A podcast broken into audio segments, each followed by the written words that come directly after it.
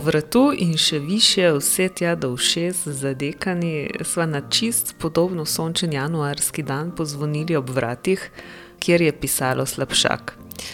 Če nama je bilo takrat za silo že toplo, nama je bilo jasno, da bo v kratkem postalo še topleje. Pa naj samo zato, ker smo prišli v precej prijetno, greto stanovanje k Svetlani Slabšak, antropologinji antičnih svetov pač pa ker smo se dogovorili, da si bomo dale opraviti zvonno. Ne bomo pletle, ker vsaj ena ali pa tudi dve od treh teh ročnih veščin doslej še ni osvojila, ampak ker je Vovna in telo knjiga, ki jo je objavila ob izteku lanskega leta. In predlagam, da ta klopčič začnemo odvijati kar daleč, daleč nazaj, potem pa pustimo rdeči niti, da nas bo čez zgodovino pelala naokrog v čase in prostore, kjer je volna puščala svoje sledove. Še prej pa dodavam, da sva Klara Škrinjar in Maja Čakarič, avtorici podcasta Strašno hudi. Ta zvočni izvod podcasta pa nastaja v sodelovanju s spletnim portalom za književnost in kulturo Erbeletrina. Le začniva pri Homeri, kot bi rekel preširen. Za me je inspiracija bila odnos Odiseja in Penelope do Vovne. Imate popolnoma različen odnos. Odisej se rešuje tako, da se prilepi se za ovna in tako se rešuje iz jame, kiklopove. Penelopa pa izkorišča volno kot prevaro, oziroma tkanje kot prevaro, zoper snupce in se dela, da dela, in nobenem ne dela. In obenem laže o vsem, kar dela, namreč govori o tem, da pripravlja pregrinjalo za, za Odisejevega očeta Laerta, ko umre. Vemo pa, da uh, ritualno volna ne paše v pogreb, ker je uh, na pol živa. Skratka, medtem ko se Odisej kot heroj trojanske vojne 20 let vrača domov na Itako, vmes pa ga pestijo križi in težave, ga soproga čaka in se otepa snupcev vedno se v Odiseji eh, pokaže njena pamet. Ona je velika političarka. Ne? In ko enkrat pride Odisej v, v živo, končno nazaj, po mnogih avanturah, tudi z drugimi ženskami, eh, ga ona podvrže zelo, zelo detaljnem kvestioneru, bi rekli. Ne? Tisoč vprašanj mora odgovoriti točno, in šele potem je sprejet. Ne prej, čeprav ona ve, da je to Odisej, ampak za vsak primer. Ne? V zgodnji, najbolj zgodnji evropski literaturi je ta ženski lik absolutno superioren. Tudi nad inteligenco Odiseja, ki se pojavlja v Iliadi in Odisej kot modri, predkani, Odisej, ki pozna vse trike. Ja, pozna, ampak ona ima več. Torej, ta lik me je popolnoma fasciniral in sem tudi, ko sem brala Odisejo, gledala sem, kje se pojavlja ona. Sem našla pravzaprav eh, rešitev, da je celotna interpretacija Odiseja zasnovana na tej razliki med živo volno in volno, ki je obenem živa in mrtva. In ta položaj volne, ambivalentni položaj volne, me je potem inspiriral. Ne. Torej, moška živa volna, izkoriščanje živali, popolno izkoriščanje živali, in ženska volna, ki razen tega, da žival preživi, izkorišča še druge možnosti. In to, so, to je ta neverjetna metaforika volne vsi ti pomeni. Ženska, ki tka, eh, latinski izraz tkanja je tekstum, torej tekst. Ona tka tekst, poje med tem, ko dela. To je poezija, torej vse, kar je izraz, in tudi, seveda, drugi pomeni. Neverjetno, ogromno polje pomenov in uporab, in to vse izhaja iz osnovne dejavnosti, katera je pač delala obleke za človeštvo kakšnih deset tisoč let. In tako kot je Penelopa tkala in prala in postajala ena najvidnejših junakin svetovne književnosti, tako je tudi Svetlana Slabšak lani tkala svojo knjigo o Vovni. Res je, Hvala Bogu, vse je na internetu, kar se tekstov tiče. Antični teksti so na internetu. A vi veste, kaj to pomeni? To pomeni, da bi vsak lahko se usedel in se naučil latinščine in grščine v nekaj mesecih. Torej, vse je odprto, vse je dostopno. Mi živimo v svetu neverjetnih možnosti za znanost in za me je. Popolni negativni, seveda, čudež, da uh, 80 odstotkov živečih na, na tem planetu niso znanstveniki v tem trenutku ni pa vsega znanja zajemala samo z interneta. je tudi v knjigah, v njenih zapiskih. Ja, seveda, knjige so ključne. Jaz imam glavni aparat pri sebi, imam svoje zapiske, seveda, ki so dolgi kakšnih uh, eh, 50 let in iz katerih seveda črpam. Ko grem v svoje teme, pa črpam tudi tisto, ki je napisano z roko, kar je čudežno. In tudi tisto zelo arhajično, kar je tipkano v napisalnem stroju. To so take arheološke zadeve, ki jih imaš doma.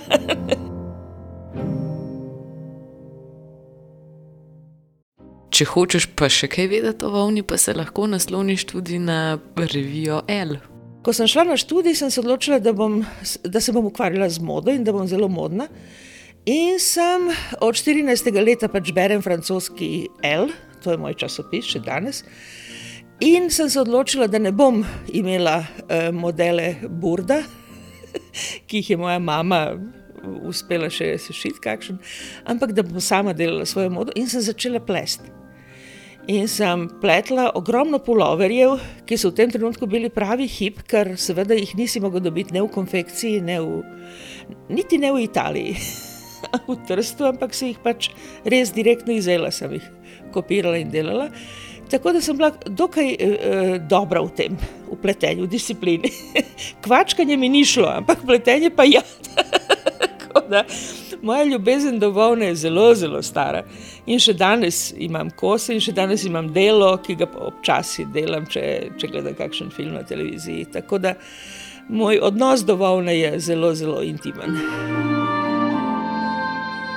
Svetlana Slabšak je očitno fenica volne in odiseje in razmišljanja o antičnih mitih, pa nasplošno v naši preteklosti, nič manj tudi sedanjosti. Marsikaj je kritično, vedno pa z občutkom za najbolj zanimive in pomenljive podrobnosti in dosledno s preširnim smehom.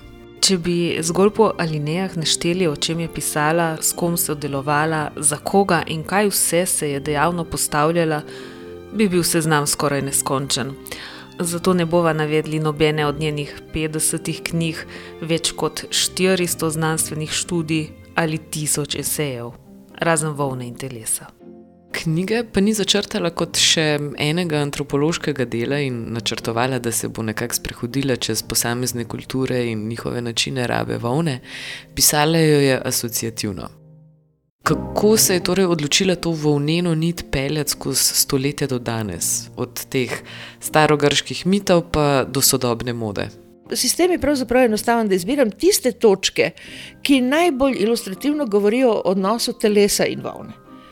O bližini telesa in volne, in o družbenih razmerjih, razmerjih in pa kulturi, ki izhaja iz tega odnosa. Zato piše o kozmetiki in modi, o glavnikih in gobelinih, ampak nikdar ne govori zgolj o predmetih, temveč o tistih, ki jih uporabljajo in vlogah, ki jim jih predmeti ali pa družbene okoliščine določajo. Tukaj je verjetno najbolj izrazita simbolna podoba. Tako rekoč idealne ženske Hegeso, ta stela Hegeso, antična, atenska, kjer pravzaprav na eni strani imamo to prelepo žensko, ki je umrla in ki uh, pravkar se uh, gleda svoj nakit in se melankolično, verjetno spominja svojega življenja. Gre za moško fantazmo, idealne ženske, ki sedi v škatli v okviru in gleda v škatlo. To je njen svet, naj bo tako, da slučajno ne bi šlo ven. In seveda je to za me pač asociativni prostor ženske, ki dela doma in je zaprta in je obsojena na to, da je avtistična, če hočete, da gleda svoj nakit, svoje obleke, svoje mehko življenje v svoji mehki sobi, v svojem mehkem prostoru. In za me je zaradi tega Hegeso pravzaprav ključna figura, da razumemo položaj ženske, ki je obsojena na hišno delo. In v tem primeru. Ne gre niti za velike socialne razlike, ona in njene sužnje v tem antičnem svetu, atenskem, eh, urbanem prostoru, delajo pravzaprav isto zadevo. delajo, vse čas delajo. Proizvajajo obleke, kar moški, ki živi zunaj v javnosti, ne more brez oblek ven. Ko ženska plete, je praviloma vezana na svoj dom, na svoj. Recimo, tradicionalni prostor. Volna jo nekako drži pri hiši in k hiši. Lahko pa jo tudi od nje odveže, eno in drugo. eno in drugo.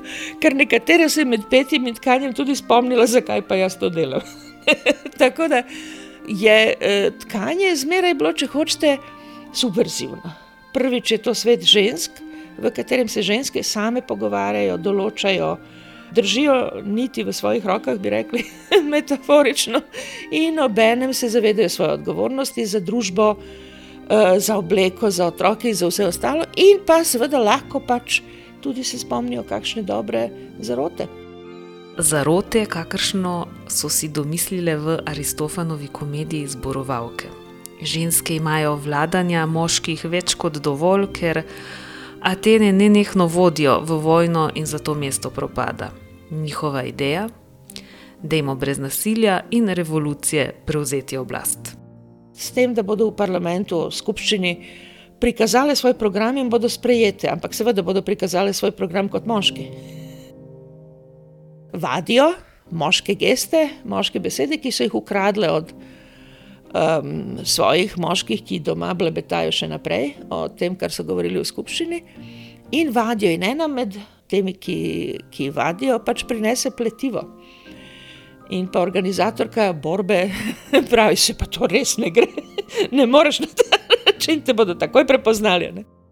Antični miti so tako, če dobro pogledaš, prepleteni z volno in tkanjem. Krščanstvo pa se vsaj takšnega tkanja, ki je v funkciji prevrata, kar nekako trese. V knjigi Volna in telo je objavljena slika Device Marije, ki plete oblačilo za Jezusa. Ampak zanimivo je, da takšni motivi obstajajo le v apokrifnih besedilih. Zelo pogosto boste videli Marijo s knjigo v roki, ko pride angel, ki najavi, kaj se bo zgodilo. V nekaterih pravoslavnih ikonah pa so ostale statve kot motiv.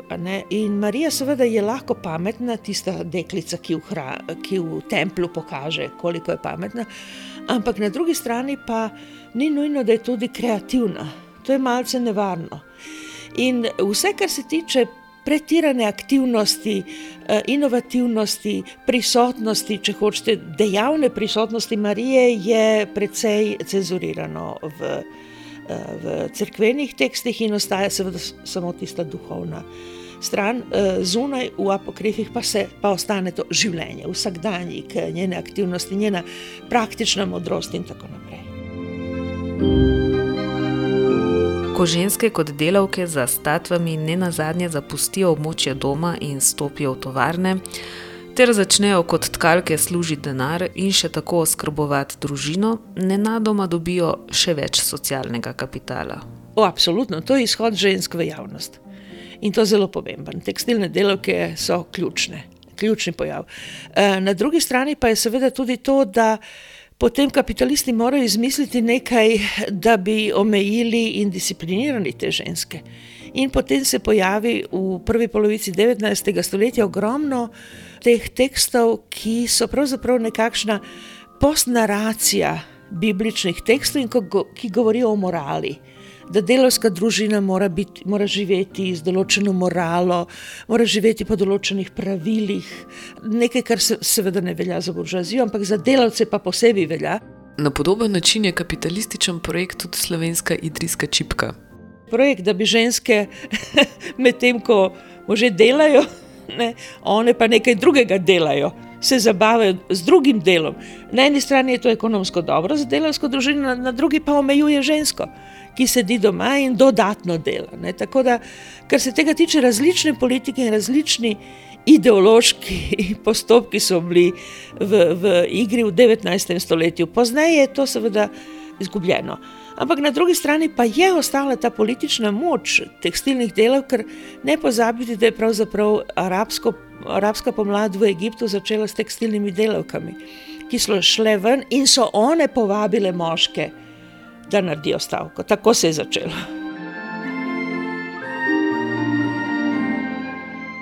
Teorija ženskega pisma počiva na metaforiki pletenja. Ne? na, na tkanju, na, na izražanju, ne samo z glavo, ampak z rokami. Še, še danes boste, veste, ko berete književne kritike, pa recimo knjiga poezije neke ženske, nek malce zastareli kritik bo napisal, da njena poezija prihaja uh, iz srca in, in roke, nikako pa ne iz glave. Kar se tega tiče. Ne pozabi tudi ta detalj, ki je za nas tako pomemben. Da je pravzaprav osnova kompjuterskega planiranja Eh, nastala v 18. stoletju, ko je nek gospod Žakar, francoski, naredil kartonske eh, modele, čez katere je volna, so nitke šle, da bi se določen dezen ustvarjal. Ne, to je kompjuterska tehnika. Tako da, kar se tega tiče, je volna zmeraj bila področje inovativnosti, novih idej, ne samo novih, seveda, tem za, za vezelje. In za, za zgodbo, ampak tudi novih tehnik, kako hitreje, kako boljše, kako bolj elegantno narediti neko zadevo.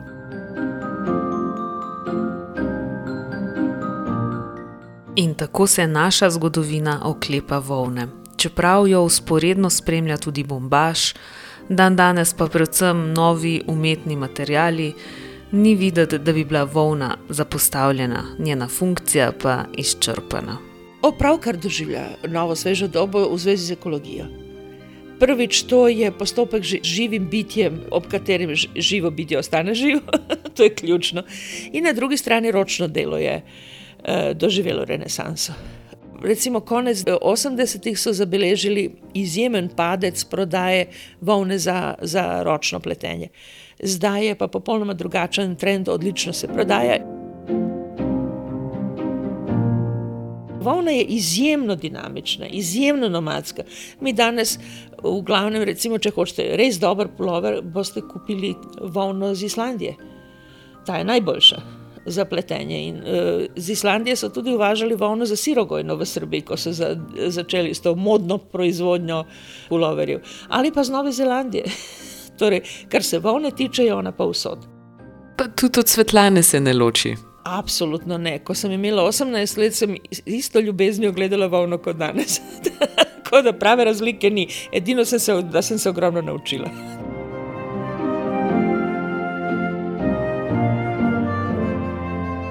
Midve pa sva vse to dol postrgali tako, da sva prebrali knjigo. Zdaj pa Klara volnino kapo in šal nazaj na se in greva v mrz, da nam bo toplo. Svetlano pa sva prepustili pisanju ene knjige in še treh romanov. Čau, čau. Čau, čau.